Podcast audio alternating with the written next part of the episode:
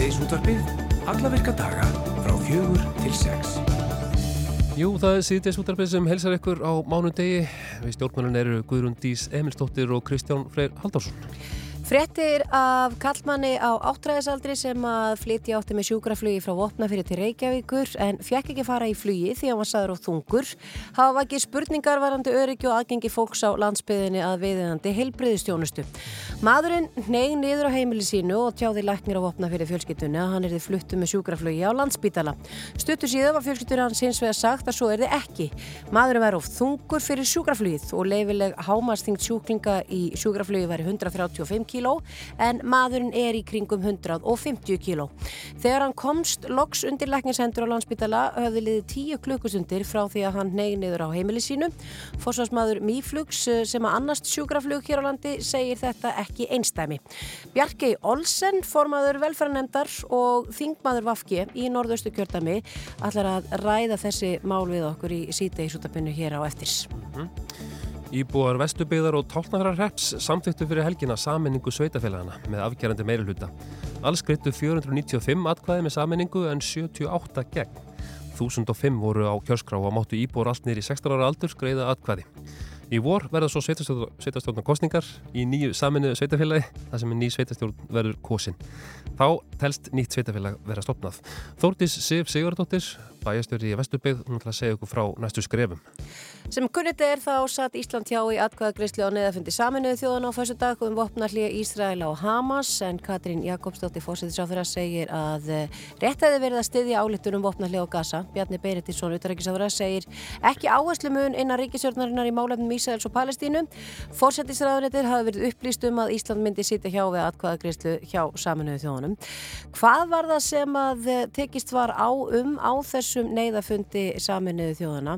Hvaða þýðingu hefur álíktunin og uh, svo ætlum við að velta því aðeins líka fyrir okkur uh, þarf auðvitaðrækis á þeirra samráð á verðin slík ákverðin er tekin á alþjóða vettfangi. Baldur Þóraldsson, stjórnmálafræðingur, verður á línunni hjá okkur hér á eftir. Svo var það Æslandi Airwaves háttíðin, hún er á næsta leiti. Uh, hún hefst á miðgudaginn, þar sem að rjómi íslensklar tónlistaflóru kemur fram, auk fjölda erlends tónlistafólks. Samlega háttíðinni verður haldinn vinnudagur undir yfirskriftinni Innovation Waves þar sem ætlunum er að kynna, ræða og diffka áfram ólík verkefni sem unnun eru af einstaklingum sem starfa í umgjör tónlistar á Íslandi. Hrefna Helgadóttir, hún er verkefnastöru hjá Úttón eða Útflutningsstofu Íslenskra tónlistar. Hún veit allt um hennar vinnudag og allir að koma til okkar. Svo er það Sveitafélagi Skagafjörður sem hefur auðvist eftir umsjónamanni með eiginni Málmei. Uh, þetta er stærsta eiga Skagafjörðar. Sigfúsingi Sigfússon Sveitastjóri Skagafjörði verður á línu hjá okkur og við spyrjum hann út í hvað felist í þessu starfi. Ætlar að sækjum?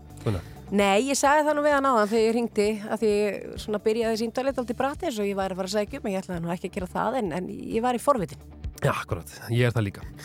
Herri, það er aldrei sem við ætlum að byrja á, á, á stóru málum hérna og krafti á mánundegi, en uh, allbendið kvíkusöfnunar á fjóru kilometra dýpi á Reykjaneskaga, norvestan við Þorbjörn, sangvært viðstofu Íslands, en yfir 10.000 skjáltar hafa mælst í hreininni sem hófst 25. oktober.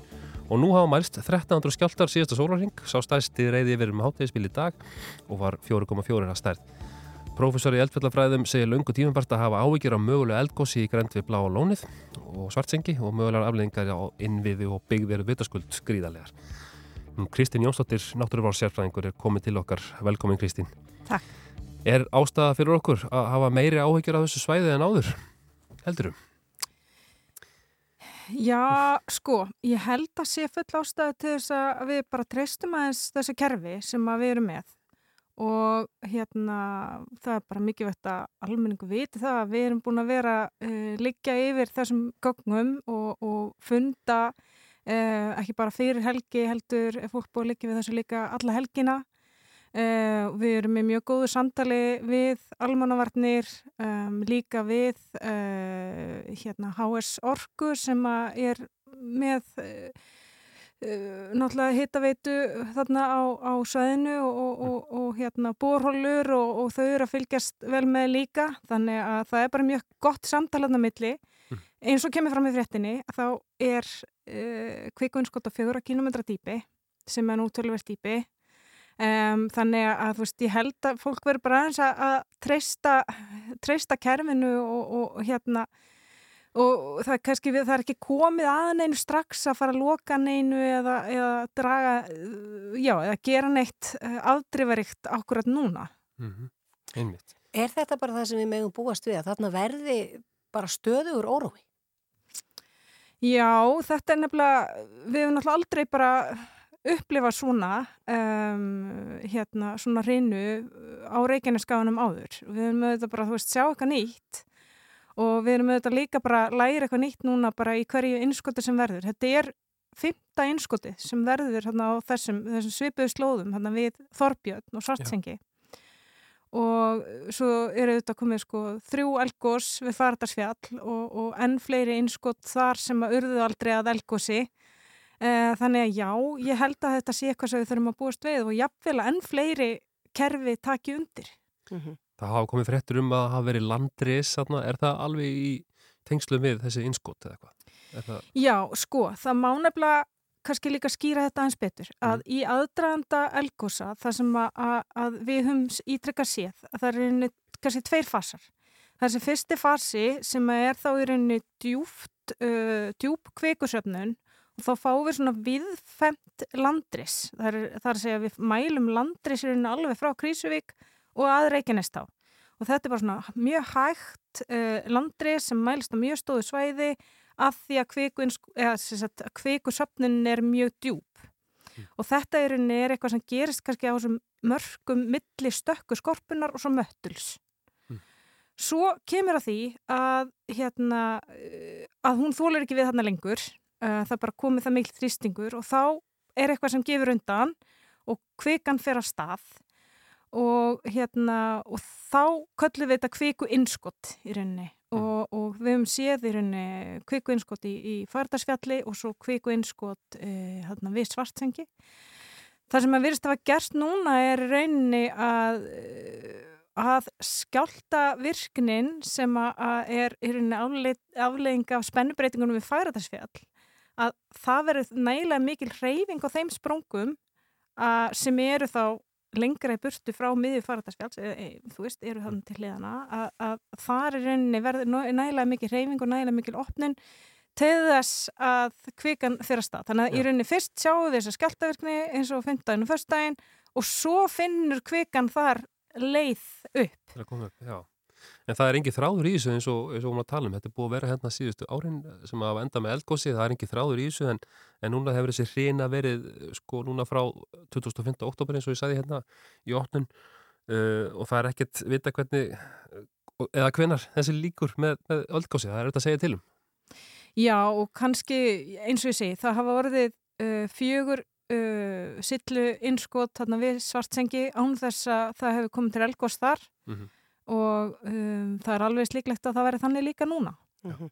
en þetta er bara eitthvað, við verum þú veist, við erum auðvitað bara algjörl á tánum að fylgjast með bæði vísindamenn og viðbráðsæðilar og uh, ég held að þú veist, fólk þarf bara eins að treysta þessu kerfi sem að, að, sem að er í gangi. Já, og við vitum líka til þess að það er bara fundur með almannavörnum í gangi akkurat núna, þannig að það er greinilega stöðugt verið að skoða þetta og fræða fólk. Algjörlega.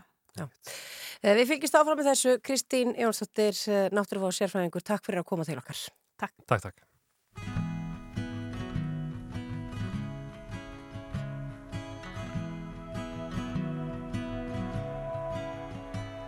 Þau spyrja ertu góður? Gengur lífi hjá þeim vel? Grá augun minn á sandkort sem aldrei fundu skell Svartól geta stjórnu og líka hjört og stál Öllu vitundin á leiðinni verða kastað á bál Það er hóla í hendinni. Það síður allt og kræma Það sem sefar sársögan Er eitur og týndir drauma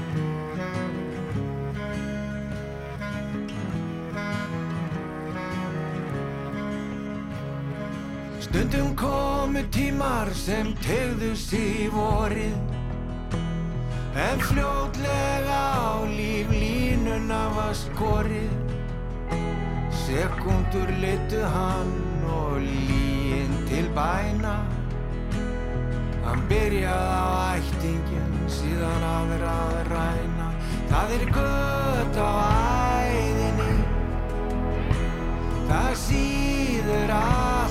kræma Það sem sefa sársökan Er eitur og svartir draumar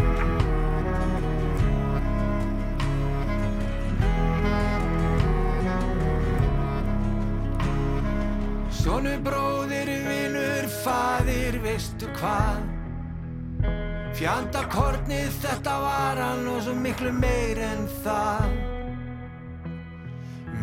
Minningar svo góðar, himinin heiður blá. Að hamingjan er oftast með þér þín fyrstu á.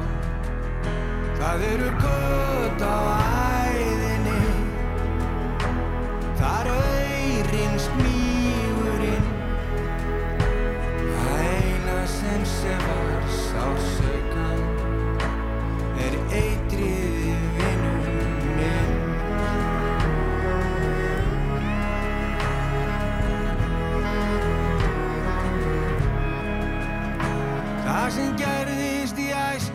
sagði ekki sálu frá.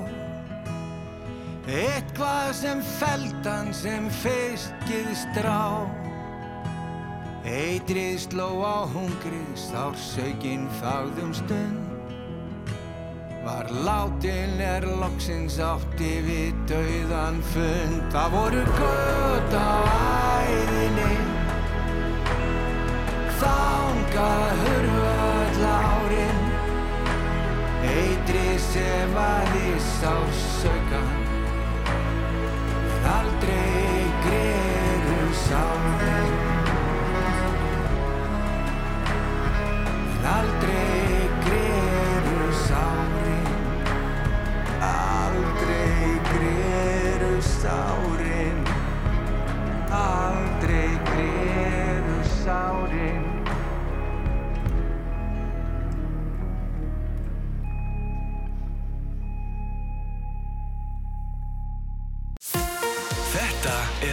Rástvö Fyrst og fremst með þér.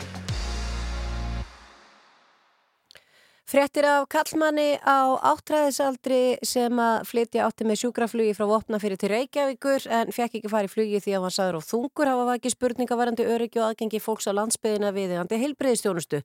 Maðurinn neyg niður á heimili sínu og tjáði læknir á Vopnafyrir fjölskyldunni að hann erði fluttu með sjúkraflugi á landsbytala. Stuttu síðar var fjölskyldunni hins vega sagt að svo erði ekki. Maðurinn væri of þungur fyrir sjúkraflugið. Lefileg hámagsþing sjúklinga í sjúkraflugi væri 135 kíló en maðurinn er í kringum 150 kíló og þegar hann komst loks undir lækningshendur á landsbytala höfði liðið 10 klukkustundir frá því að hann neig niður á heimili sínu. Forsvarsmaður Míflugs sem að annast sjúkraflug hér á landi segir þetta ekki einstæmi og á línu hjá okkur er Bjarki Olsen, formaður velferðarnemdar og þingmaður Vafki í norð-austur kjördæmi. Kondur sæl og blessu Bjarki? Já, kom sæl. Uh, Forsvarsmaður Íflugs uh, segir að þetta sé ekki einstæmi. Það lítur að vera mikið áhugja efni. Já, það er svo sannlega hægt að segja það og við þurfum að skoða þessu mál mjög vandlega hér í þessu kjördami og svo sem alveg víðar um, um landi og ég held að bæði það eins og komið hefur fram að, að við þurfum að bæði að hafa sjúkraflug og tvær vélar tiltakar alla daga þá er það út af fyrir sig eitthvað sem að var að breytast bara núna og ég myndi vilja yrði endur skoða næst þegar bóðu verður út. Í annars það þá held ég að það hafa nú bara sínt sér líka eins og í þessu tilfelli hefði þá geta hjálpa til ef við værum með þyrlu staðsetta hérna fyrir norðan. Þá hefði hún geta uh, einmitt komið inn í þetta dæmi sem að var með í þessu tilviki minnst að kosti að það veri fljóttar að fara með mannin til Akureyrar uh, í bíl uh, sem að ljósa þetta að flytja sögur. Þannig að ég held að þessi máli eru bara ekki góðum farðæði og það er auðvitað ekkert jafnlegt heldur í þessu. Bjarki, kannastu við að, að svona tilfelli séu mörg? Hefur þið heyrt af fleiri tilfellum að þessum toga? Því miður nei, eh, en eh, það sem að þið voru einmitt hér að hafa eftir uh, hérna, starfsmanni mýflugs og þá er, er þetta ekkit eina tilfellið og þetta er eitthvað sem að ég hef óskað eftir því fyrir hand velferðarnemndar að við fáum svör við frá ráðnættinu og hafði strax samband í, í dag til þess að óska eftir minnisblæðu um þessi mál. Mér finnst mjög mikilvægt að við vitum hvernig þessari þjónustu er hátt á hversu mörgum tilfellin eru og í sjálfu sér eiga það ekki að þurfa að vera eitt einasta. Við eigum að geta komið öllum til hjálpar á sem skemmstum tíma og, og til þess þurfum við til að finna leiðir ef að, ef að þetta dögur ekki. Og svo er þetta líka bara spurningi menna, e, minnir að það hefur komið fram einhver staðar að sjúkrabílarnir væri með böru sem að bæru fingra fólk heldur en flugvelarnar, sjúkraflugið. Og þannig að mér finnst líka ástæð til þess að aðtóa það ef að það er eitthvað í útbóðskilmálum eða öðru slíku sem að er með þessa hámastingt e, eins og nú er að við endur skoðum það En ég þarf eins og ég segi, við þurfum bara að kanna þetta nánar og, og ég hef óskað eftir minnisblæðum þetta mál. Mm -hmm.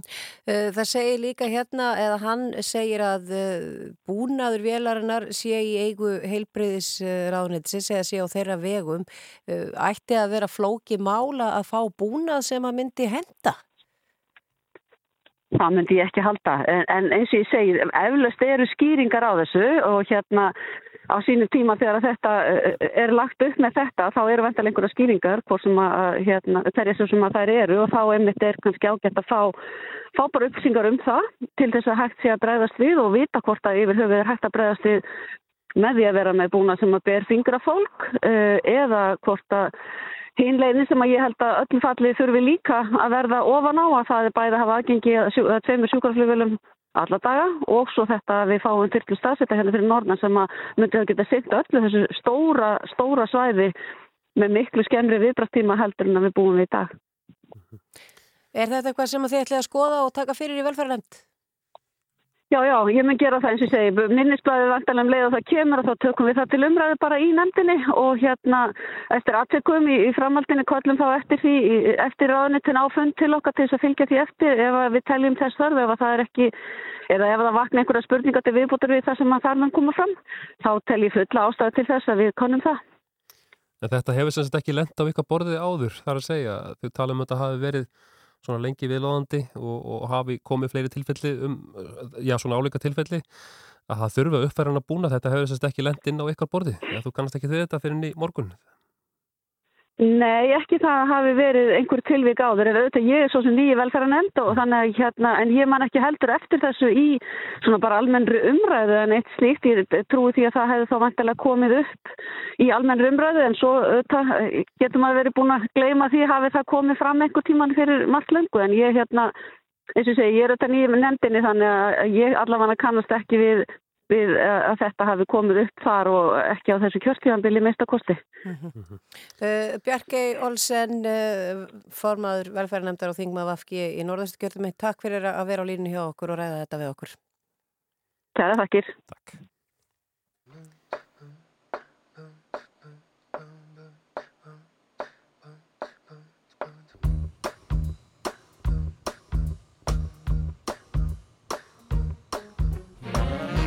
I love you, boy, I love you.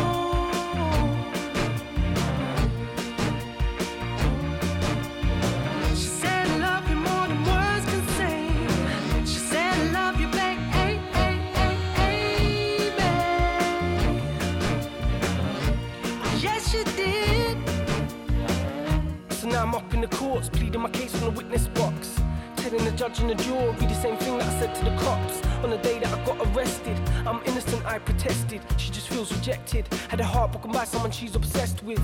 Cause she likes the sound of my music. She makes her a fan of my music. So why love goes down, makes her lose it. Cause she can't separate the man from the music. And I'm saying all this in the stand. When my girl cries tears in the gallery, this has got bigger than I ever could have planned. Like that song by the Zootons Valerie. So the jury don't look like they're buying it. Is making me nervous. Arms crossed, screw face like I'm trying it. The eyes fixed on me like a murderer's. They wanna lock me up or throw away the key.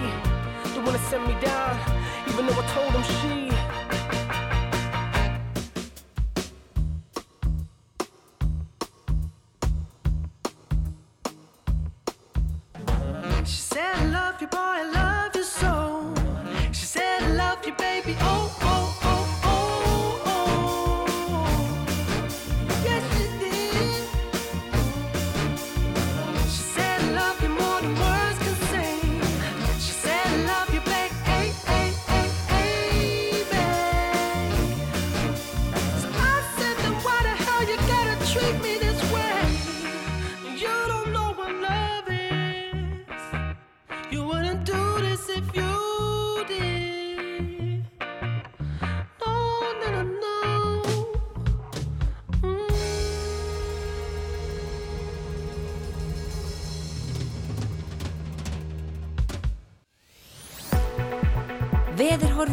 næsta sólaringin.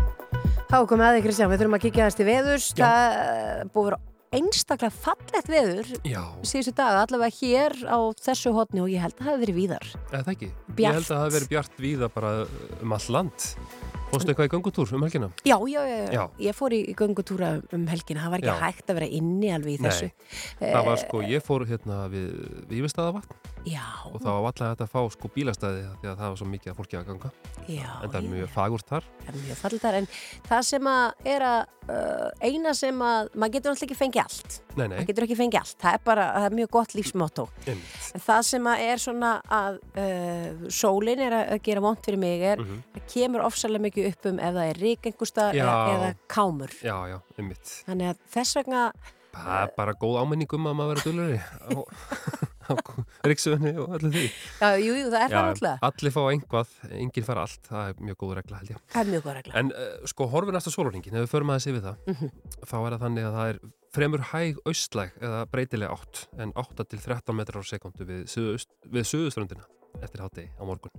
Víða þurrt og bjart veður en lítið sátt að skúrir eða jél á suðausturlandi og austfjörðun líka. Hiti 1-7 stig yfir, háti, yfir hádægin en frost víða 0-5 stig í nótt.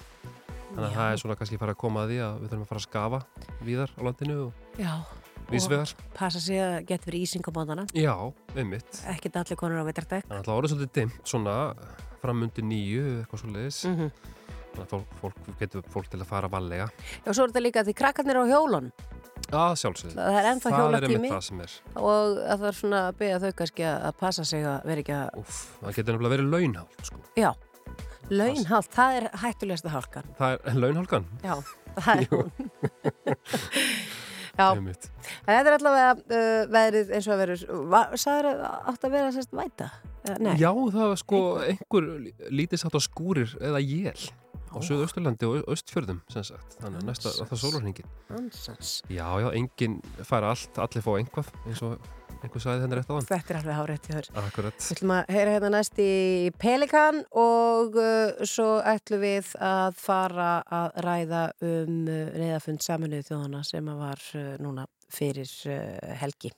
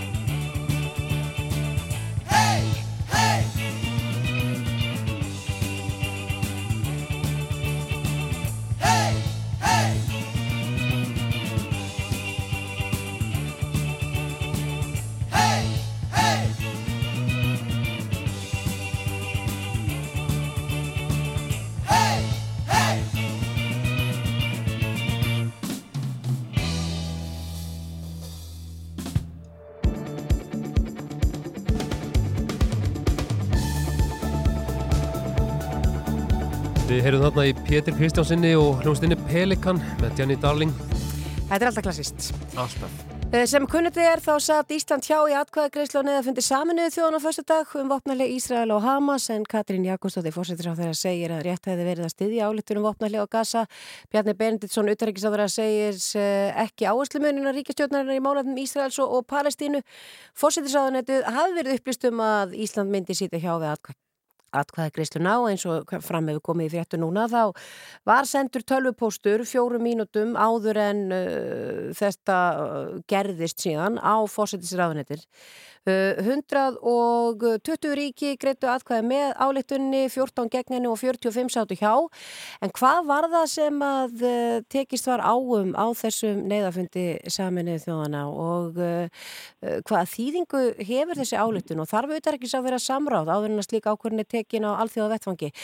Baldur Þóraldsson, stjórnmálafræðingur, er á línunni hjá okkur. Kondur sætla og blessaði, Baldur. Komið þið sæl. Uh, já, það hefur verið uh, mjög ábyrjandi í, í fréttum síðustu daga, þessi neðafundur samiður þjóðana uh, og, og eins og við segðum hér, 120 ríki greitu atkvæði með og 14 gegnin og 45 sátu hjá. Hvað var það sem að var verið að takast á um þarna á þessum fundi? Já, það var í sín einföldu sem mynd var það á hvort það ætti að vera inn í þessari álegtun líka eða fordaming á hriðiverka árás Hamas á Ísrael 7. oktober og að í álegtin ætti það að vera tafa að þeir myndu láta þá gísla sem við, sem við tóku höndum þegar í stað lausa. En það var einn álegtun sko, breytinga til að Kanada hvað á um þetta að þetta ætti að vera inn í álegtuninni og þegar hún var feld þá ákvað Ísland á samt fleiri ríkjum og öllum Norðurlöndunum nema Noregi að sitja hjá. Af því að raunin þetta var ekki tekið saman, bæði það að kalla eftir tafalösu mannúðar hljegi eða svona, tímabundu vopnarhljegi á Gaza og uh, fordæming á hriðjverkum Hamas hliða. Já, þannig að þetta er þá svona, uh, þessi ríki sitja þá mögulega hjá að því þau vildu bara fá eina allserjar álægtun, eða hvað? Já, og töldu þá að þessi álöfin eins og var samþygt sem eh, af runni teimur þrjúðja hluta ríkja á allsæðartinginu og kallar þetta tafalausu mannúar hliði, hún væri um of beint gegn sko Ísrael stjórn vegna þess að Ísrael stjórnum þá túkkar hana sem beina árás á sig þessa álöftun að kalla sér eftir vopnarliði. Þeir telja sig vera að berja á Hamas liðum uh, í, á Gaza þó að það þýðir gríðilegt mannfall óbreyttara borgara þeir telja álefninu byggt gegn sér og þessi ríki þá vildu að, að uh, þeir eru tekið saman eins og þú, þú segir. Mm En þarna að saminuðu þjóðurnar komi þarna og uh, greiða atkvæði með þessari álítun, hvað þýðir það? Sko álíktanir álsýnating saminuðu þjóðana eru ekki bindandi. E, það er engungu öryggisráð saminuðu þjóðana sem getur gert bindandi álíktanir fyrir öll ríki saminuðu þjóðana en í öryggisráðinu svo allir vita setja 15 ríki og þar hafa 5 stórveldi neitunarvald þess að það nást þessi mál ekki þar í gegn.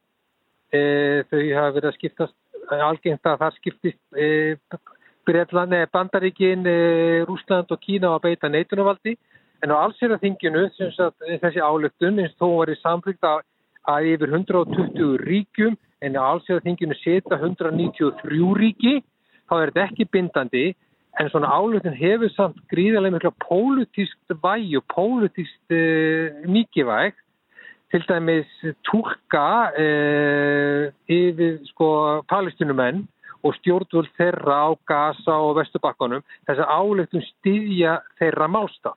Rétt eins og þegar e, meiri hluti á allsýðaþinginu sko fordæmdi innrás Rústlands í Úkrænu fyrir nokkru mánuðum þá taldi Úkræna það algjörlega styðja náttúrulega sinn málstaf og það var, var mjög mikið vægt í baróttu Úkrænumanna við frekar í stuðning ríkja heimsins við sig að fá svona álutum samtetta á sama uh, eins telja palestinmenn mjög mikið vegt að tveir þriðjur hluta ríkja heims styðji þegar tafalösa mannúðar eh, mannúðar hlýje eða vopnar hlýje og telja það eh, styðja sinn málstað og þannig að þetta skipti verulega máli og, og nota þetta í, í, í sínu málflutningi. Einmitt. Baldur, þessi ríki sem voru á móti í aðkvæðgreislinni, voru þau með svipur rauk eða var sami þráður í þeirra afstöðu, hefur þau heyrt? Já, það heyris mér klárlega vera í sko vísu ganga band, fulltrúar bandaríska stjórnað en lengra heldur en sko í, auðvitaðrikiðsáðar okkar hefur gert ég sé að talsmenn bandaríkja stjórnað telja þessi álút sem var beinis, sem samþygt var beinis sko gegn Ísrael. Það að ekki hafi verið fordæmt fullum fetum árás Hamas á Ísrael 7. oktober e, telja þeir bara vera e, þessi, þessi álötu íti undir másta palestinumanna og þess vegna sé hún algjörlega skelvileg og taka þannig beint bara undir unni málsta Ísraels en svo, svo, svo langt hefur náttúrulega auðvitaðriksráður ekki gert. Nei. En Noregur, hann greiðir atkvæði með álítunni á meðan að við og hinn Norðurlöndin uh, sitjum hjá. Hvers vegna? Já, það er mjög aðryglisvert og líka það fylgir sko fórstæðisráður Norris þessu eftir með því að koma í fjölmeila og kalla eftir tafal, tafalösu vopnallíu og Ísraelsmenn láti af árósu sínum á Gaza og hann er unni mjög stóristur í garð Ísraelsmanna og framgöngu þeirra á Gaza. Það vakti aðtegli mína e, og líka vegna þess að normin hafa verið í svona hlutverki að reyna miðla stundum málum fyrir botni miðjarhafs í deilum Ísraelsmanna og e, Ísraels og Palestinaraba. Núna er þeir sko að fordæma og gaggrinni með harkalega Ísraels stjórnvöld þetta vekur aðtegli En ég velti líka fyrir mér vegna þess að normin eru sko einu landi sem greitti aðkvæði með þessu. Öll hínu Norðurlöndin sátu, sátu hjá. E, það má líka velta fyrir sér sko í Noregur er e, eina landi það sem er viðstri sinnaður utarrikiðsadra. Það er verkamannaflokkurinn í stjórn og, og, og, og fulltrúi hans sittur í utarrikiðsadunöndinu. Í öllu hínu Norðurlöndunum eru, eru, eru með hægri stjórnum við völd og hægri menn halda um taumanni í utarrikiðsmálunum í utryggisráðanitunum og maður velti fyrir sér hvort að það eh, skiptir máli og, og þá þeir forgámsræði náttúrulega tengslum og við náttu sinni við sko henni sína hefðbunda banda, bandamenn í Evrópu og, og í bandaríkjunum. Já, uh, núna ef við skoðum aðeins málinn hérna heima að því að vinstri græn hefðu vilja greiða atkvæði með álítunni á meðan að uh, já, sjálfstæðarflokkurinn gerði það ekki. Þarf utaríkis á þeirra samráð áður en að slík ákvörðin er tekin á alþjóða vettfangi eða, eða hefða nátt að ræða þetta við Katrínu?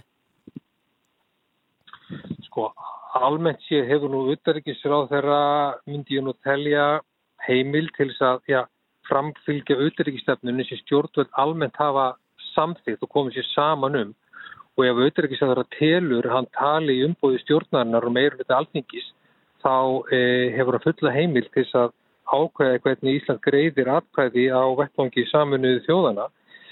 E, sko ég held að nú al, almennt séð týrkist það nú ekki að samráð sé haft við fórsettisráðara hvernig atkvæði eru greitt á allsendingi saminuðu þjóðana. E, stjórnvöld á hverjum tíma fyrir sig og ég er bara að tala aftur í tíma núna, sögulegu samingi þá koma náttúrulega bara stjórnvöldi saman um auðverikistefnu og svo bara framfylgir einfallega auðverikisráð þeirra þeirri, þeirri stefnu. Sko samkvæmt tingsköpum þá á uh, sko auðverikisráð þeirra að hafa samráð við auðverikisnefnd alþingis í, í, í stórum auðverikismálu þegar, þegar einhverju stóran ákvarðin eru teknar í auðverikismálu. En, en sko ég held að einstakka atkvæðagreislur á allsjöðatingi samunu þjóðana til dæmis getur nú ekki kannski fallið undir þar. E, til dæmis hefur uh, líst yfir að e, auðvitaðriksnára Íslands er óbreykt gagvart það að vilja svo tvíliða tvíliða laust á málefnum palestinumanna og Ísraelsmanna að Ísraels stiður stopnum ríki palestinumanna og en það er Ísland hefur Ísland viðukent í Palestínu sem ríki og var fyrsta vestrana ríki sem gerði það. Þannig að það er enginn það er ekki sko grundallar stefnubreitinga ræða í, eða ekki um stefnubreitinga ræða hjá Ísleikum stjórnvöldum að ég tel, svo náttúrulega maður náttúrulega bara deila um það að því máli, þetta er það er náttúrulega stríð fyrir botni miðjarrahafs og, og uh, klárlega átök í íslensku samfélagi um þetta að hvaða marki menn eiga að tala saman og, og ræða saman. En, en ég held að hann hafi náttúrulega umbúð til að gera þetta sem, sem hann gerði.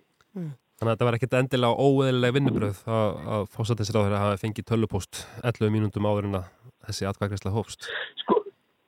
Sko nú uh, höfum við ekki fyrir framór okkur nákvæmlega hvernig atbyrðarás þessa dagsins, dagsins var.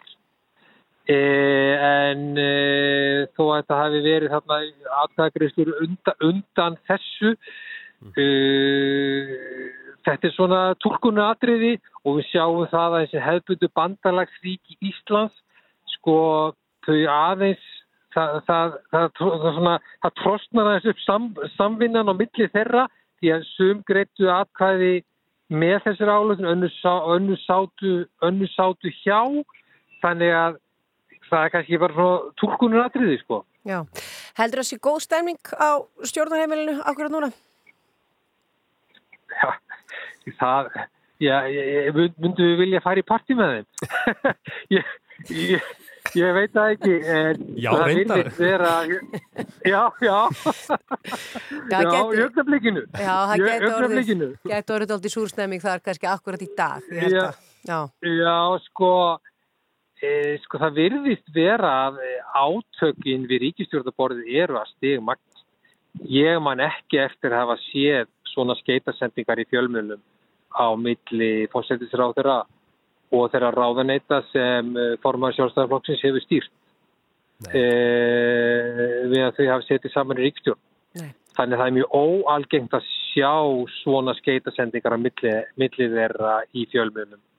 Eh, það er ekki hérna að þetta líta þannig á það að átökin er, að, er, er bara í vaksandi mæla að magnast upp við ríkistjóndaborðin. Þó ég haldi nú að þessi atkagreisla í New York og hún, hún, hún muni nú ekki splundra ríkistjórninni sko. Það þarf meira til en þegar svona sapnast í sarpin þá getur þetta farið að verða erfi.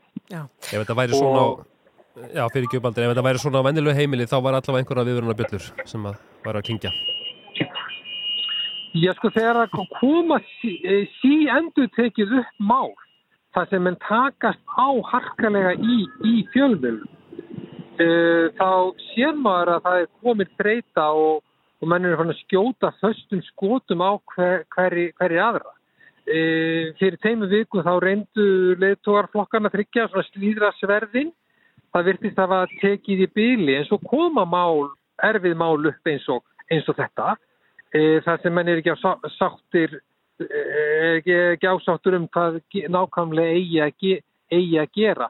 Þó að menn séu kannski á svona henni stóri almennu línu að þá já, þetta, er, þetta, þetta, er, þetta er erfitt og, og uh, ríkistjórnin má ekki við mörgum stórum erfiðum málum á komandi vetri.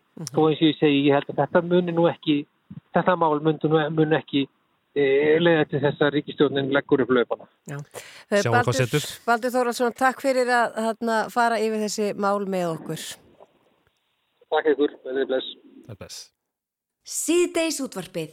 Stóru og litlu málin. Frá fjögur til sex á Rástvö.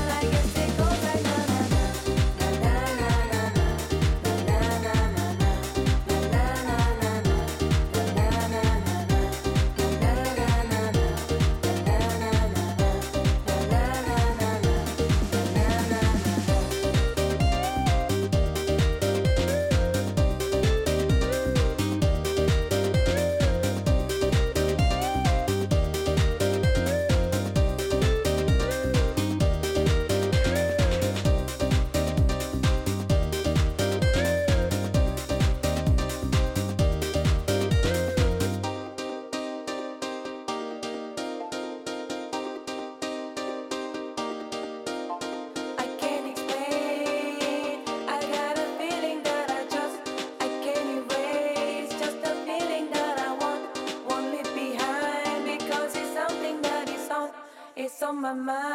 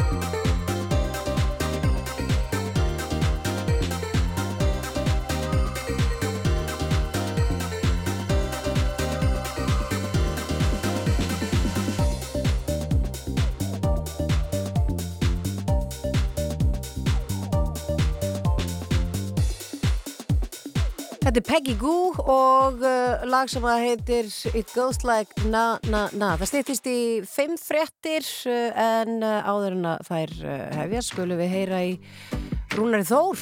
Þetta er kongu vetur. Það er komið vetur, Kristján. Það er bara þannig. Já, það var bara núna um helgina. Já. Fyrsti vetradagur, er það ekki? Það voru þetta vel við þandi. Andlátstunur sumarsins hafa hljóðnað og dáið út. Þegar kongurinn vetur setur reglugerðir og stillir á mjút þú fylgdir mér alltaf allan leið. Sá aldrei neitt sem var þú Í von og trú. Ég beið og beið. Nú hillir í enda lífsins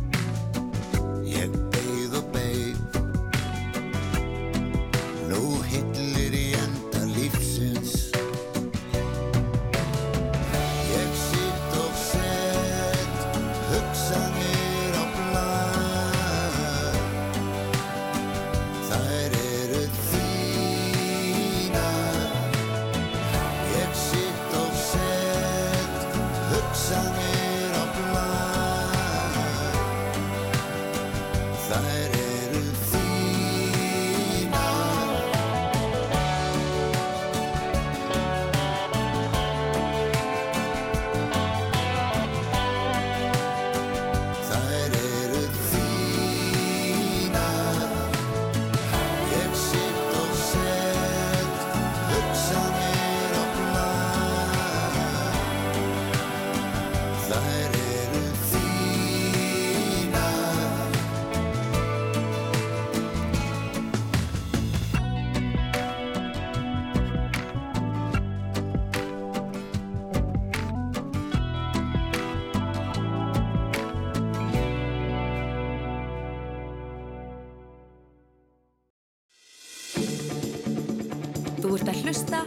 Á síðdeis útvarpið Á Rástvö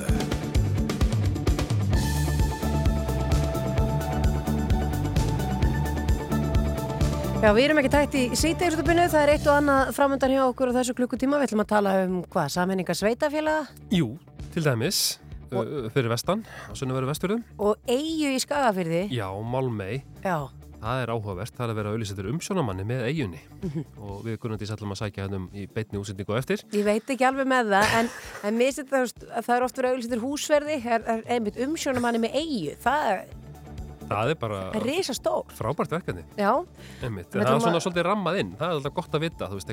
Það næri ekkit út fyrir eiguna. Það er svona, veist, jú, akkur, það er mjög góð bútur. En við ætlum að byrja á okkur allt örum. Jú, uh, Iceland Airwaves hátíðin, hún hefst núna á miðgudaginn, það sem að rjómi íslenskar tónlistarflóru kemur fram, auk fjölda ellendra atriða sjálfsögðu.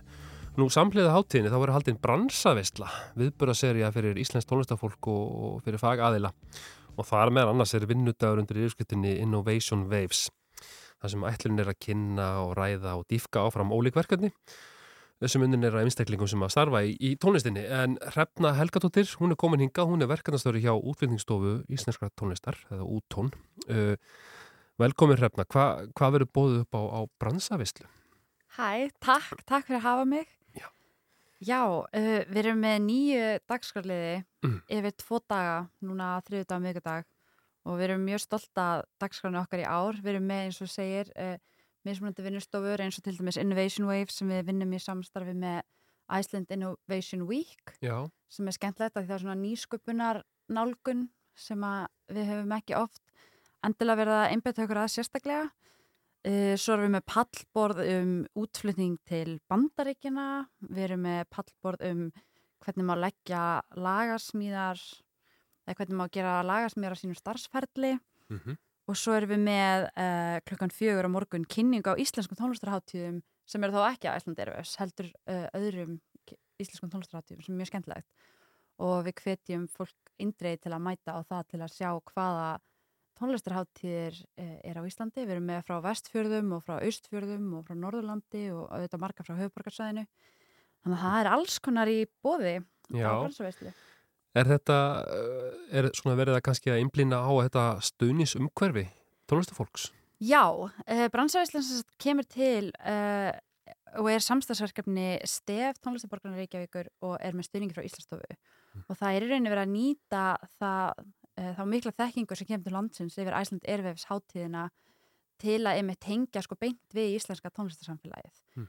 Við vitum öll að við eigum tónlistafólk sem er algjörlega framúrskarandi og enginn getur tekið það af okkur og við gerum okkur öll grein fyrir því. En það sem við sjáum mjög mikið og sérstaklega þurfum að tala um útflutning og verkefni sem er að finna fætur erlendis að um, það þau eiga í rauninni rosalega fáa að hérna heima sem geta hjálpað þeim. Mm. Við erum ekki með marga, út, það er enda að fara að fjölga núna, við erum veldi ekki með marga útgefundur, við erum með mjög fá umbóðsmenn sem starfa á alþjóðlegum skala hérna á Íslandi, uh, publishing er heilt, uh, bara heilt svið út af fyrir sig sem að fyrsta fyrirtæki í þeim flokki var ekki stopna í Íslandi fyrir, fyrir fjórum ára síðan. Já. Þannig að við sem að uh, stöndum að tónlistabransanum við sjáum mjög mikið að það vantar í rauninni þessa, að styrkja þessa innviði eins og er kallað. Já. Og bransaveislan í rauninni er nýta þessa erlendu fagaðila sem er að koma og taka þátt í Æsland Erveðsháttíðinni og við setjum upp þessar vinnustofur og tengslamyndunarfundi og alls konar í rauninni til að veita íslensku tónlistafólki og þeirra samstagsæðalum aðganga bara þekkingu og tækifærum. Mm Og þeir eru líka með, það eru þó nokkru ísettingar sem ætla að vera þarna og, og já, miðla viskusinu líka. Já, við, þóttu við eigum fá, þá eigum við mjög öfluga aðila sem, að, uh, sem eru byrjað að starfa að tónlist og það er mjög gaman að geta búið þeim með að taka þátt og verið hluta af þessu. Já, og verða aðri líka einhverju fyrirlesra sem að komað utan sem, sagt, sem að eru í þessum, í þessum bransa? Já, það, það er það, það er alltaf gaman að geta að fengi íslenskt fólk til að taka þátt í svona viðbyrðum. Er þetta hátíðarhaldarar fyrir ekki eða alls bara öllum toga? Fólk sem er að koma og eru með erindi eða hvað? Já, við erum með sem sagt uh, aðila uh, leiðbyrjendur sem eru til dæmis á nýsköpunarheiminum við erum með umbóðs við erum með meistranámskeið í umbóðsmennsku sem er mjög flottu viðbyrður og það er umbóðsmaður Jarðakt hljómsveiturinnar sem er að spila á Ervegs og er eitt svona heitasta breskabandi í ár. Uh, hann verður með námskeið í, í umbóðsmennsku sérstaklega til að styðja við bæði þau sem starfa nú þegar í umbóðsmennsku en líka fólk sem kannski hefur áhuga á þeim vettvangi og að leggja það fyrir sig. Og það er rosa gaman að sjá að margir svona, þessi kannski svona 20 ára rapparar eða svona sem maður sér þau koma stundum á viðbyrð hjá okkur og eru bara, já þetta er vinnu minn, hann er umbóðsmaðurinn minn. Þannig að við sjáum sérstaklega sko unga fólki, það er oft gaman að tala við þau að því að þau fatta svolítið að hérna, það er ekki nóg að gera lag, það þarf að hugsa að allir umgjörð líka Já, þannig að þarna er bara kjöri tækifæri fyrir þessa ungu umbóðsmenn að fara og ná sér í enn meiri visku. Já, endilega Er þetta, Íslands tónlist náttúrulega er bara búin að vera svolítið svona inn síðustu árin þannig að, þannig að sko við eigum svo gríðalega mikið af fráböru tónlistafólki hérna uh, er þetta, hefur þetta ekki bara verið ansið mikilvægt að að byggja upp stóðkerfi samhliða því? Jú, við teljum það og, og vissulega eru stóra hreyfingar í þessum málum þar sem er búið að samþykja lögum nýja íslenska tónlistamiðstöð Hmm. og ráða framkvæmdastjóri í hana, Mar Mar Marja Rauð Reynistóttir sem tekur við um áramót held ég. Uh, þannig að það eru það er koma með enn frekar fjárfestingar inn í íslenska tónlist og við tökum því fagnandi og vonandi geta styrkirnir aðeins hjálpa ekki bara tónlistafólki heldur líka tónlistafyrirtækjum og, og opna aðeins á að fólk sé uh, skapandi í viðskiptalífinu líka í tónlist. Mm Hverju geta sótt bransaveislu? Allir velkonir? Heyrðu, við erum ótrúlega stolt af því að þetta er allt ókipis eða í bóði sem sagt okkar sem að þessu koma en það er skráning sem þarf að fylla út og sumir viðbyrður orðin fullir þannig að en aðrir viðbyrður eru ennþá opnir en þar sem að dagskráin byrjar morgun þá fyrir hver að vera síðastur að skrá sig í viðbyrði þannig að við hvetjum einhvern sem er að hlusta og myndi hafa áhuga á að koma endilega til að skoða vel dagskrána og, og sjá hvort þið geti ekki tryggt sér sæti á, á eitthvað á þessum viðbyrðum. Og hvar má finna það? Upplýsingarnar eru á útón? Eða? Já, ef þú fer á úttón.is .is. þá er þetta bara fyrsta fréttin sem heitir dagskrá bransavislu og þar er sumi viðbyrður bara opnir og þá fer það bara eftir uh, hvað, mest af þessu er öll, allt haldið á keks þannig að fer bara eftir hvað húsið tekur Já. en svo eru viðbyrður sem að, uh, eru með skráningu sem þarf að skrá sig. Já, þetta verður algjör veisla. Uh, Hrefna Helgadóttir hjá Bransa Veislu, má ekki kalla það hjótón eða hvað, hvernig það? Já, Já, hjótón. akkurat. Akkurat. Útflutningsstofunni, útón. Já. Já. Bara takk fyrir komina og, og uh, gangi ykkur vel og þetta verður skemmtilegt. Við hvetjum sér flesta til þess að kíkja. Já, algjörlega. Og bara takk fyrir að koma og gleðilega bransaveislu og, og erveipsveislu. Já, takk alveg fyrir að hafa mig. Takk.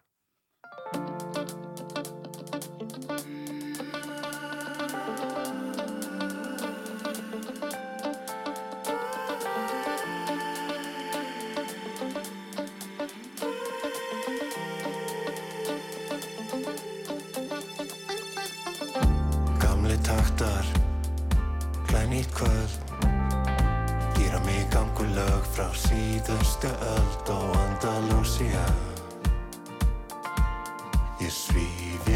svíf Stingur einum streyja skýrtuna Sólglerugum passa byrtuna og Andalusia Ég svíf, ég svíf Fugla bjarg, ég svíf, ég svíf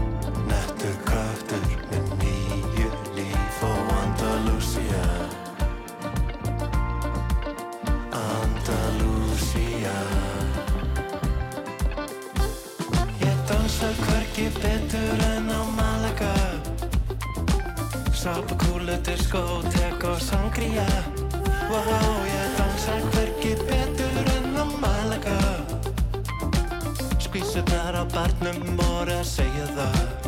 Wow, ég dansa hvergi betur en á Malaga Sápakúlu, diskótek og sangria Wow, ég dansa hvergi betur vísunar á barnum voru að segja það.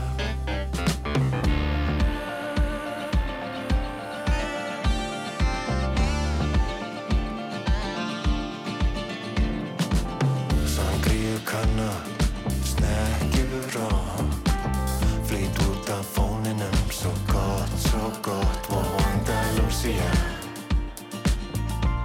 Ég svíf, ég svíf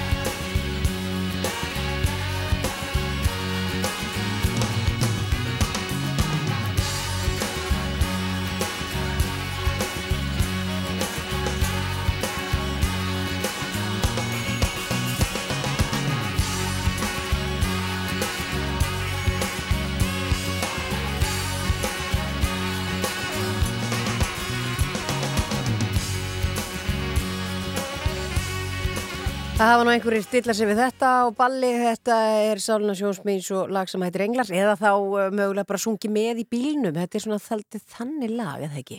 Ég tengi við það, Já, já, segur. tengi við það líka En að næsta máli, uh, íbúar Vestubyðar og Tálnafjara reps samþýttu fyrir helgina saminningu sveitafélagana með afgerandi meiruluta. Alls greitu 495 atkvæði með saminningu en 78 gegn.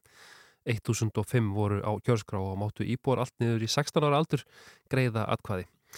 Uh, á línunni er Þóldis Sigurdóttir, bæjastöri í Vestubyð. Það maður þess að heyri henni. Svona, ertu þarna Þóldis? Já, hvað þeim? Flott er. Góðan dag og takk fyrir að heyri okkur. Hvernig, hvernig er svona bragurinn í íbúum eftir þessa atkvæðagreyslu? Ég held að það sé bara ótrúlega mikil jákvæðni. Það var svo flott nefnilega hvað e, e, saminingin var afgreitt með svona afgerandi hætti. Mikil meirilutir sem samsætti í báðum sveitafélagum. Þannig að það er bara jákvæðni og, og bara spenningur fyrir hérna, nýju sveitafélagi. Það er frábært. Og hvernig svona á mánudegi, hver eru svona, hvernig hefur dagurinn verið? Hver eru næstu skref og, og slíkt? Við erum einmitt búin að funda núna, það sem, sem, sett, var sett á stað samstarfsnemnd við undirbúningu semst, fyrir kostningarnar mm. uh, og við fundum, heldum síðasta fundin í dag og vorum að ræða næstu skref og næstu skref er að, að setja núna sko stjórn í undirbúningi, eða undirbúningsstjórn samanningarinnar. Þannig að þetta er allt mjög formfast og niður nelt hvernig á að gera hlutina. Þannig nú erum við bara að fara að undirbúa það að hérna, samnill kerfi og ákveða hvernig samtíktarnir eiga að vera og erindisbrif nefnda og hvað nefndir eiga að vera. Þannig að þetta er allt bara mjög spennandi ferli sem er að fara að staða núna. Mm -hmm. En þeir sem að kusu gegn þessari saminningu, það eru nú ekki, það er ekki margir en það eru einhverjir. Veistu eitthvað mm. hvað það var það helsta sem að fólk var að óttast við saminningu? E, það voru alltaf einhverjum áökjur að því að það væri svona e, vesturbyggðu væri að taka við miklum skuldum hjá tálknaferðarsepp sem er kannski ekki alveg allavega skuldarstaðan eins og staðan í dag er jafn mikil per íbúa og, og bara svona einhvern veginn bara bankaveltur hjá þeim hvort að þetta væri hægst allir fyrir vesturbyggð þar sem að það eru bara fimm sem sögðu negi tálknaferðarsepp þannig að, hérna, þannig að það er, er ekki, ekki margir staðar sem að hafa ykkur efasendir um þetta væri sveitafélagin til hagsbóta. Mm. Hvað hérna, það er náttúrulega ímslegt búið að gerast upp á síðkastið í, á þessu svæði, það er náttúrulega jargöngin frá dýraferði hlýtur að hafa, hlýtur að hafa kannski svolítið minkað, minkað heiminn þarna á þessu svæði, eða hvað? Eða milli, Já, og milli... eru náttúrulega millir norður og söður. Jú. Já, já, það hefur alveg verið þannig og það sem við þurfum að vinna með núna og er verið að vinna með og mikil skilningur á alþengi að hérna, það þarf að bæta samgöngur. Það þarf að bæta samgöngur hérna, á söðurspilinu og er verið að gera. Og voru nú við opnum þorskafjörðabrúar núna bara í síðustu viku uh, en við viljum líka fá göng hérna á söðursvæði. Við erum með uh, fjölfarnasta fjallveg á vestfjörðum þannig að, hérna, þannig að það er mjög mikilvægt fyrir okkur að, að e, taka, taka bara setja gati gegnum hann. En það er það, sínur það í könnunum að það er mikil, það eru margir sem að vegra sig við að fara, gegn, nei, fara yfir haldán sem er höst í fjallvegurinn og hérna e, og þá aðla konur, þannig að þetta er líka svona jafnbreytismál. Já, einmitt, þetta er áhugaverst og þetta með jargungin, þetta hefur kannski verið einhver svona þráður í gegn þegar kemur að saminningu sveitafélag, það er náttúrulega að bæta samgöngur á milli að sjálfsögðu og þetta Já. kannski hefur þú kannski reynslu af frá, frá norðanverðum vestfjörðum, það sem að Ísafjörðabær saminast fyrir nokkur mánu síðan 1996 segir maður rétt og, og þá náttúrulega var það kannski Mm. þunga miðan í þessu að þetta væri hægt að það voru bæta samgöngur Akkurat. Það, er, hérna, það voru gerð göng þegar Ísafjörðabær var til, það voru gerð göng þegar e, fjall, fjallabygð var til og fjallabygð og það er núna verið að plana göng í múlaþingi. Þannig að það er alveg rauð þráður í þessu en það er náttúrulega kannski ástæða fyrir þetta eru sikkur sveitafélag, voru sikkur sveitafélag, eru samgöngunar og þetta getur ekki talast sem sama atvinnusvæði og, og, hérna, og svona e, félagsvæði af því að það er svo erfitt frá milli þó að þessi stutt á milli sko. þannig að ég er bara hálftíma að keira yfir á Bíldudal en, en, hérna, en það er samt erfitt að gera það á hávetri og það er að koma hálka á snúr Mm Þannig að þetta verða kannski helstu áskorunum þar allavega til að byrja með það er það að bæta samgöngur þannig að þetta verði eitt svona upptöku og atvinnusvæði. Já, það verður það og við ætlum að bara halda áfram að hamra á þessu mikilvægi þessara samgangna og, og ég veit alveg að þegar að fólk kemur yngað og er búið að fara kannski nokkra ferður á milli þá fattar það strax hvað þetta er hamlandi. Þannig að hérna, við erum bjart sín að þetta verði sett framlega á forgangslista. En í þessu, í þessu færst átlað bara alls er að hagraðinga það ekki og, og kannski verður til sterkara sveitafélag fyrir vikið eða hvað? Jú, það sem að við fáum sko sveitafélag núna þegar þau eru samanist þá eru bara reglugjörð sem segir, um hversu, eh, segir til um hversu mikið fjármagn sveitafélag fá þegar þau samanast og það fjármagn skiptur okkur alveg greiðlega miklu máli. Við fáum semst 760 miljónir um það byl á næstu fimm árum eða svo og, hérna, og þetta fjármagn skiptur okkur máli bara inn í innviða uppbygginguna hérna, hjá okkur og bara að lækka skuldir og gera reksturinn hagkomari. Já. Það er, það er alltaf, það verður alltaf bara, það er þessi starðarhagkomi sem að skipta máli, lítil sveitafélög geta ekki verið með alla þá þjónustu sem að sveitafélög er skilt að vera með núna.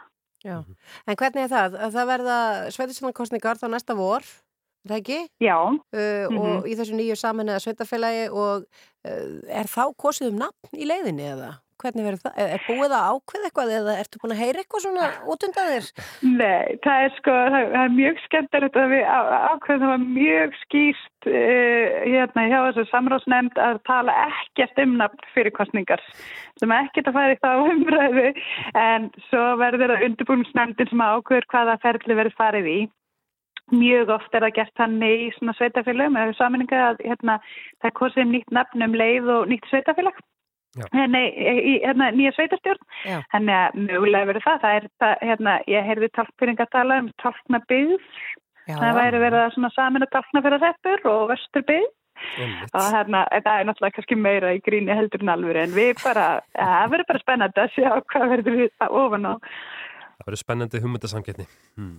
Já, einmitt, það er bara, mér langaði þess að dregabið, múlafing myndi að heita mér finnst það svo flott, sko. Að Já, það var, er- það var ansið djúsi hugmynd sem að er Já. meitt fjall í grítan, það er, það er leðilegt. Já, En, já, en múlaþing uh, náttúrulega mjög gott, enga síður. Jú, jú. Já, en- enga síður. En og við lítum alveg mikið til þeirra sko þannig að hérna, við, við svona þeirra uh, vinni við samininguna eins og til dæmis bara það að setja heimastjörnis og það er það svolítið sem að skipti máli við þessa saminingu uh, þessar kostningar að fólk leið til heimastjörnuna það væri koma meira svona ákvörðunavald og vald inn í, inn í þéttbíliskernana sem að skipti máli.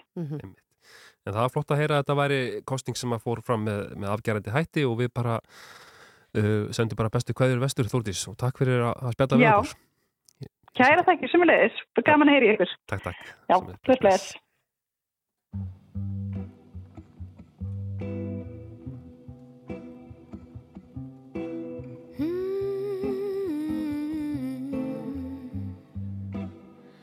Lítið ljóð á minni smiða. Stikkorð sem að lýsa þér. Dagdraumarnir í mig tósa Ég á það til að gleyma mér. Lítið bleik á réttri stundu. Brósið alveg brætti mig.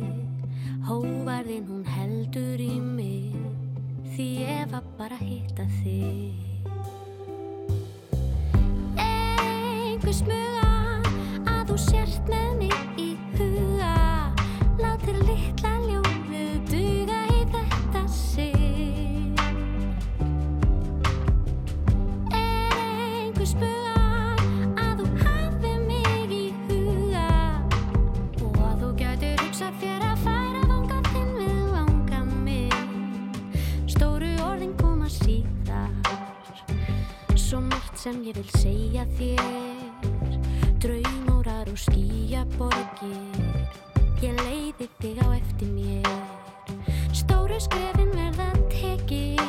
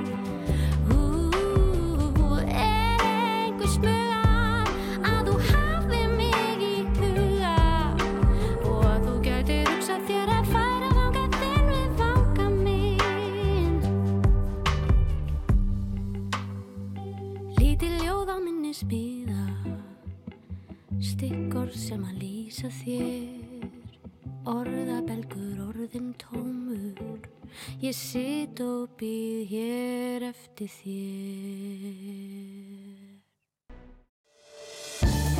Sýteisútvarfið Á rástvöð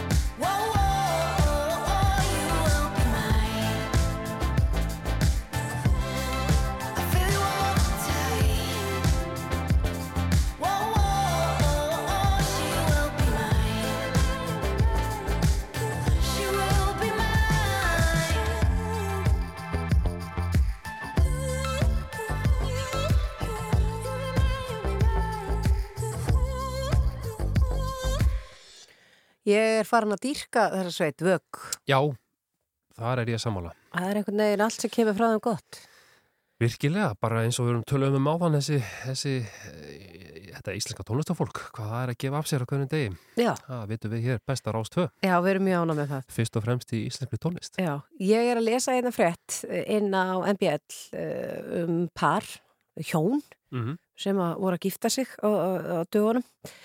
Uh, og já, það aðeins síðan, mánuðu síðan kannski þau giftu sig uh, þau lemdu í þeirri leiðu uh, lífsreynslu að brúðakjól brúðarna var stólið í miðri brúkusveislu ha, jú þetta er einhvern veginn, þetta er eitthvað svo óforskafað Kristján að maður þá verður- vantilega að vera farin úr kjólnum þá vantilega eða hvað? Jú, jú, Já. þetta er semst þannig að þau eru bara að gifta sig og, og giftingin er hann bara meðan dag og veistla haldin í framhaldinu og, og um hálf tólf þá ákóðu brúðhjónun að stíga sinn fyrsta dans sem gift hjón.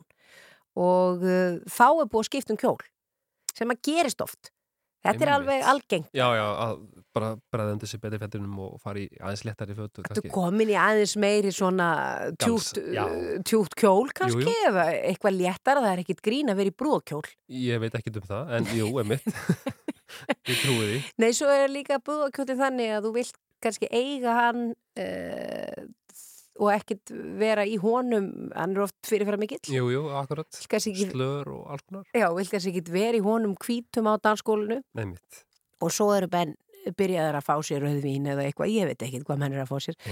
Eh, sem að getur skemmt kjólinn. Já, já, já, eða það galsi á dansskólinu og það er einhver aðri með drikki Mhm. skvett á þig. Þetta, það getur allt gerst. Það er bara mjög hyggilegt að fara úr Já. fara. En þessum kjól var stólið Þannig að þau fara þarna úr hún uh, eflaust komin í eitthvað þælera og uh, þau sögust bara vera það saklus gagvart þessu að pakkarnir og gjafirna fóru inn í læstherbergi. Mjög skynsalegt Mhm. alveg ofsalega skynsalegt því að svona brúðavislu þær skilja oft bara mikið eftir sig. Já, já. Það er alls konar, það er íttalaglösin og það er kitchenið þræri vilin og það er allir pakkin sem að gemur í svona. Og, en þeim datt ekki til hugar að þetta læsa brúðakjölinni en svo eh, einhvern veginn eftir á heikja þá grunar það að, að þessi stuldur hafi verið skipilaður. Uh, það hefði verið maður fyrir þann salin okkur dögum áður en veistlega fór fram þegar verið var að skreita hann og uh, hann stóð við inganginu og hann vittist vera viltur, var að tala í síman uh, og svo inn á sagt, uh, í vestlinu þá kom maður þarna inn á danskólu í prímaloftúlpunni sinni. Vá, Ég veit nú ekki hvort að það er eitthvað, er þetta skipulaður ég veit ekki, skipulað þrán? en það kom maður inn á gólfi Mm. í prímaloftúlpunni sinni og held á bjór og uh, þjónandi komur strax og spurði hvort að uh, einhver þekktan og það var ekki svo þannig og, og, og, og hann var vísað út. Hann held að þetta væri skemmtistæður en það á, á maður í prímaloftúlpu ekki teima á danskólfi í brúkur þetta er svona eins og þegar að vettingkrassers eða, Já, einmitt, einmitt. eða funeralkrassers og svona. En það sem maður hafi passað í kjólinn ef, að- ef, ef að hann hafi gripið hann sko, hann alltaf veit ekki. Það er hann kannski allar að koma þessi verð en Ég get sagt þér það kuna að sko þegar ég gifti mig árið 2005 þá hérna glemdi, glemdu við sko peningum og alls konar dóti á kirkjutröppunum hátiskirkju já, og það var held ég ein aðtöðn eftir okkur. Akkur glemdur pening laður Ég frá sko bara veski? var taska með svona alls konar dóti sem við þurftum inn í daginn sko. Já. og hérna Þið upptekinn við allt annað við um að fórum í einhverja myndatöku og alls konar svona eitthvað og taskan var bara eftir á kirkjutröppunum. Já. Uh, fagra dag 2005 og þá hérna fattaði ég það bara svona um 11 um kvöldið og eitt gesturinn skuttlaði mér upp yfir hérna, upp að hátíðskirkju Bara úr þinni eigin brúða já, já, veislu? já. Já. þar var taskan, en Já. hann að það er líka blessunlega til fullt af góðu fólki Já, en þetta er óhefilegt að, hérna, kjólnum hafa verið stólið Já, já, það er engin, engin kunna við að stela af kirkjutröppum nei, kannski ekki ha. En þetta er, þetta er ofsalega leðilegt og við byðlum hér með til þeirra Já. sem að mögulega vita um þennan kjól uh, fallið kjóla mynda hann með þennan bjall Mhm. uh, ef einhverju við séð þennan kjól eða er bóðið að kaupa þennan kjól Úf. á blamt eða einhver staðar. Eða ef þið sjáum mann sem er í brúðakjól og prímaloftúlpu þá gæti það verið grunnsanlegt maður á ekki að gera grína þessu. Nei, þetta er alveg svakalegt þetta, er, þetta, er, þetta er leiðindamál. En svona, svona er þetta. Já. uh, við ætlum hér eftir smá stund að fara að ringja í Skagafjörð nánar tiltekið í Sveitarstjóran í Skagafjörði Sigfús. Já, af því að þar er eiga og það vantar umsjónamann fyrir eiguna það er málmei, já. og við erum spennt. Mjög forrættur um þetta. Já. fyrst þetta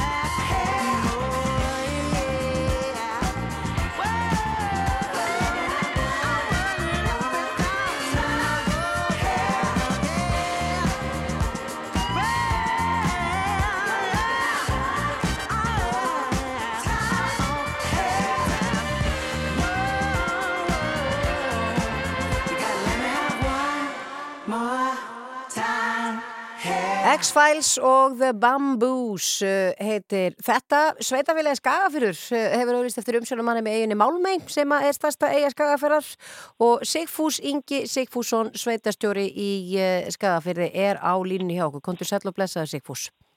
Mér er blessað og sæl. Ég þegar maður heyri svona umsjónamaður með eigu, þetta, þetta hljómar spennandi, hefur þetta starf verið oft auglist? Nei, þetta er nú svona í fyrsta sinn sem að við auglýstum þetta eftir að, eftir að hérna, sveitafélagi skagafrið var það einu. En, en hérna, það, þetta sem spyrjaði með samningi sem að gamli hófseppur gerði við þáverandi vitamálastofnun og auglýsti þá eftir, eða réði allan umsjónamann 1998 og eins og þekktir orðið þá, þá er hann búin að starfa þessu, starfa, sinna þessu starfi í 25 ár.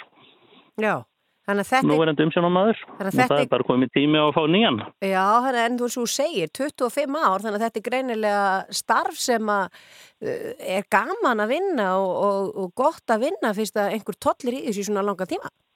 Já, augljóst að maður sleppur ekki hendið þessu svona á fyrsta degi, sko. Nei, hvað á umsjónamaður yfir málumei að gera? Hvað, svona, hvað felst helst í þessu starfi? Það sem að fælst nú kannski helst í starfinu er að bara gætað eigunni, hérna, gætað lífríki og, gætað umgengni ferðamanna eða þeirra sem að sækja eigin á heim og það er nú einhver veiði þannig í eiginu og hérna þannig að það er svona verið að hugsa um það að vera að gæta fyrst og fremst að lífríkin og að það sé sómasamlega að öllu staðið. Mm. Eru margir eins og þú segir ferðamenn sem að sækja málmæg heim? Já, það voru reglubunnar siglingar út í Málmi hérna fyrir nokkurum árum og þá var talsveri fjöldi sem fóru til eigu.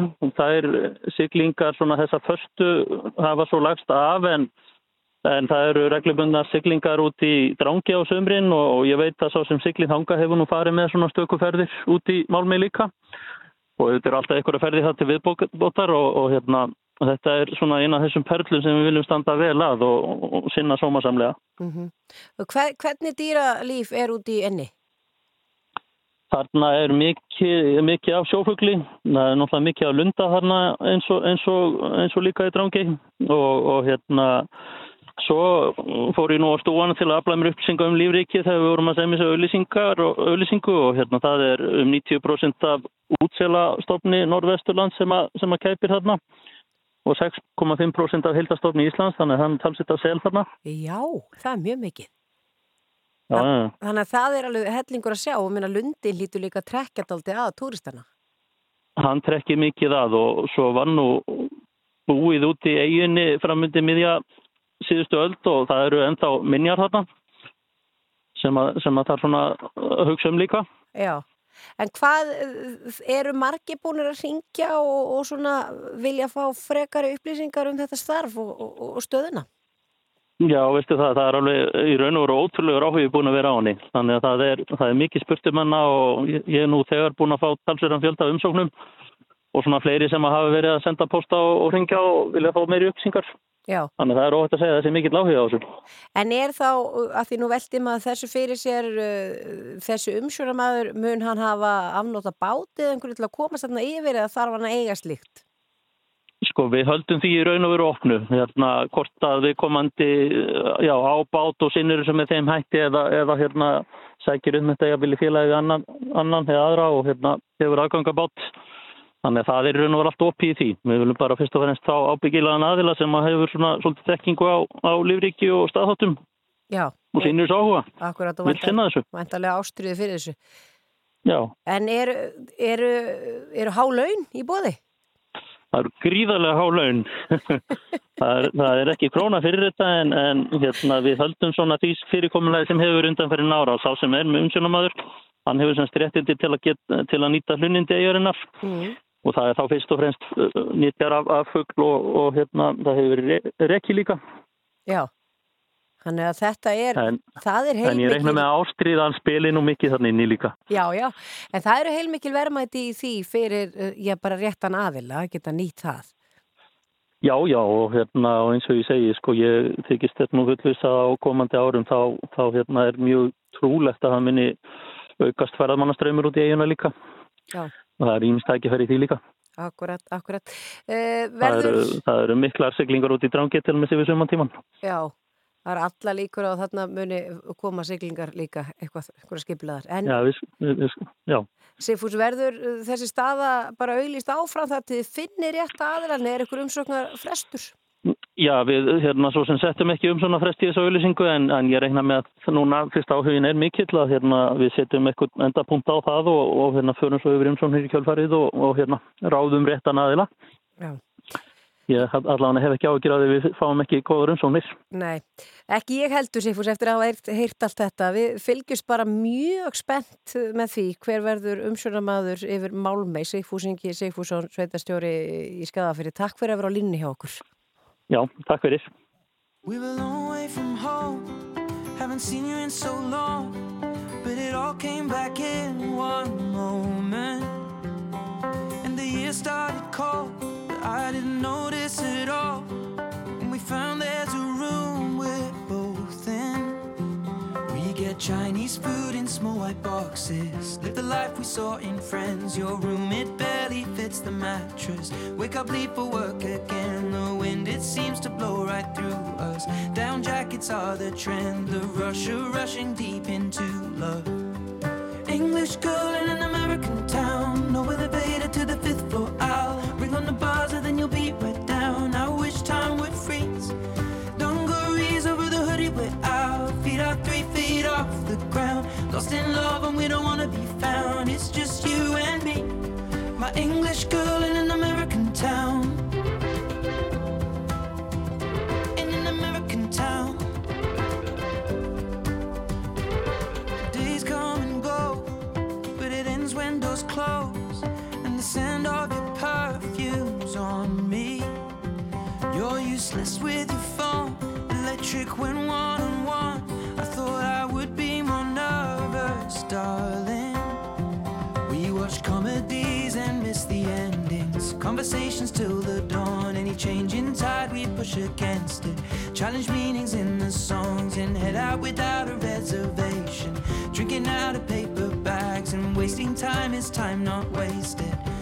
With my English girl in an American town, lower the elevator to the fifth floor. I'll ring on the buzzer, then you'll be right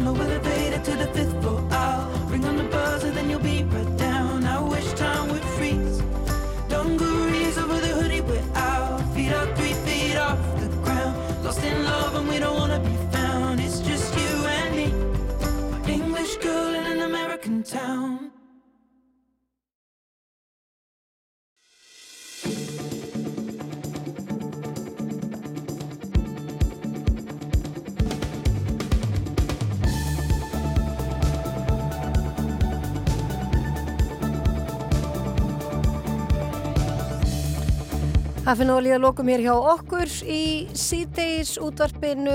Við erum búin að taka ímislegt fyrir síðan klukkan fjögur. Það er nóg framöndana sjálfsögur hér á Rástöðu eins og alltaf.